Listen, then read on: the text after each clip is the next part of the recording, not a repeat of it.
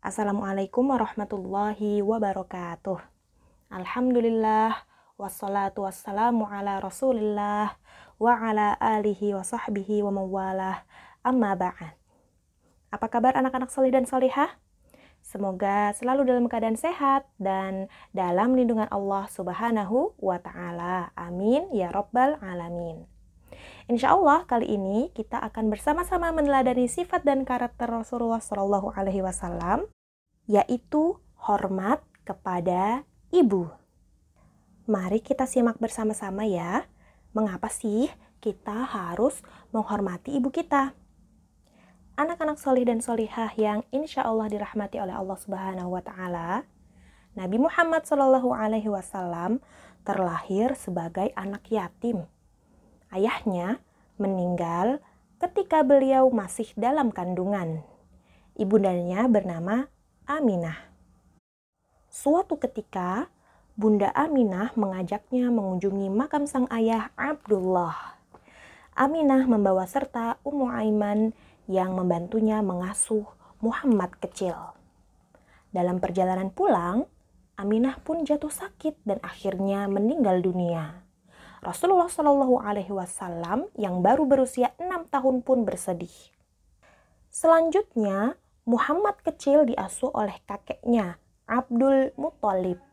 Sedangkan Ummu Aiman membantu mengurus keperluan hariannya. Abdul Muthalib dan Ummu Aiman sangat menyayangi Muhammad Shallallahu Alaihi Wasallam. Bahkan sangat mengistimewakan beliau. Namun, kebahagiaan itu tidak lama.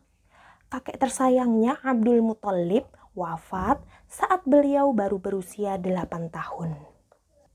Muhammad Shallallahu Alaihi Wasallam pun beranjak dewasa dalam asuhan pamannya Abu Talib sang paman mendidiknya dengan baik.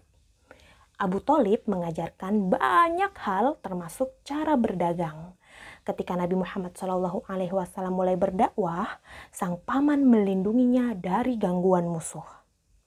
Meskipun sibuk, Nabi Muhammad Shallallahu Alaihi Wasallam menyempatkan diri untuk berziarah. Beliau mendatangi makam ibundanya walaupun sangat jauh jaraknya. Setiap kali berziarah, Nabi Muhammad Shallallahu Alaihi Wasallam selalu menangis. Kenangan bersama ibunda tak pernah dilupakannya. Suatu hari Nabi Muhammad Shallallahu Alaihi Wasallam dan para sahabat melakukan perjalanan. Ternyata perjalanan itu melewati makam ibunda Rasulullah Shallallahu Alaihi Wasallam. Beliau pun berhenti.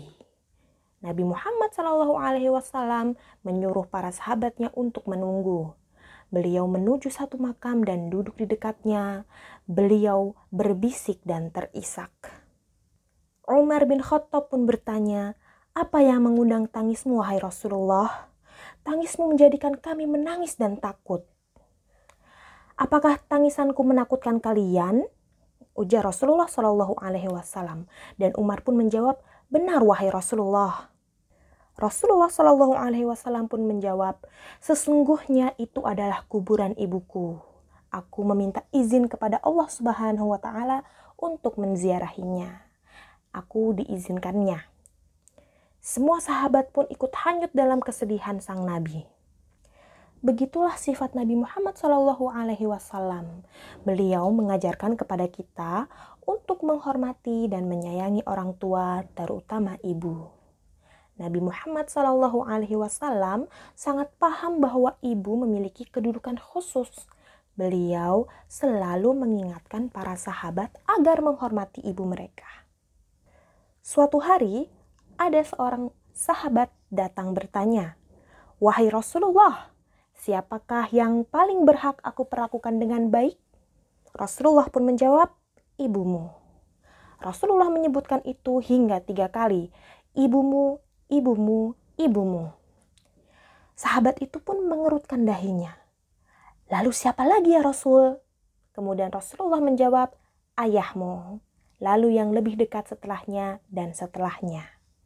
Bukan hanya pada ibu kandung, Nabi Muhammad Shallallahu Alaihi Wasallam juga sangat memuliakan ibu asuhnya.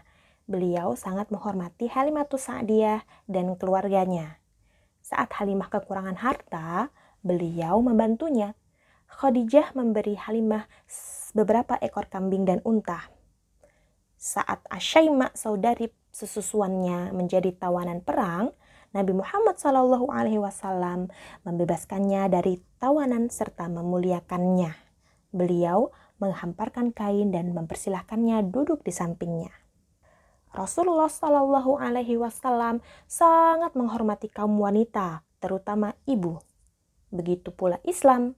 Islam membawa banyak kebaikan, termasuk untuk kaum wanita. Mereka memiliki kedudukan yang istimewa di mata Islam. Begitulah sifat Nabi yang mulia. Beliau sangat menghormati perempuan, terutama ibu, ibu kandung maupun ibu asuh, sama mulianya.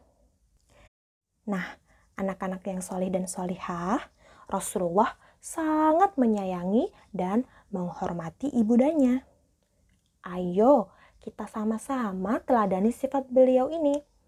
Jika ibu kita menasihati kita, kemudian meminta tolong kepada kita, kita harus menurut dan membantu ya. Jangan menyela, bermuka masam, atau marah-marah sebagai bentuk rasa cinta kita kepada Nabi Muhammad Shallallahu Alaihi Wasallam, maka kita juga harus ikut menyayangi dan mengasihi ibunda kita. Semoga kita semua dijadikan oleh Allah Subhanahu wa Ta'ala anak-anak yang patuh kepada kedua orang tua kita semua. Amin, amin ya Rabbal 'Alamin. Alhamdulillahirabbil 'Alamin. Semoga materi kali ini bermanfaat untuk kita semua. Kita tutup dengan membaca hamdalah dan doa kafaratul majelis. Alhamdulillahirabbil alamin. Subhanakallahumma wa bihamdika asyhadu alla ilaha illa anta astaghfiruka wa atubu ilaik. Assalamualaikum warahmatullahi wabarakatuh.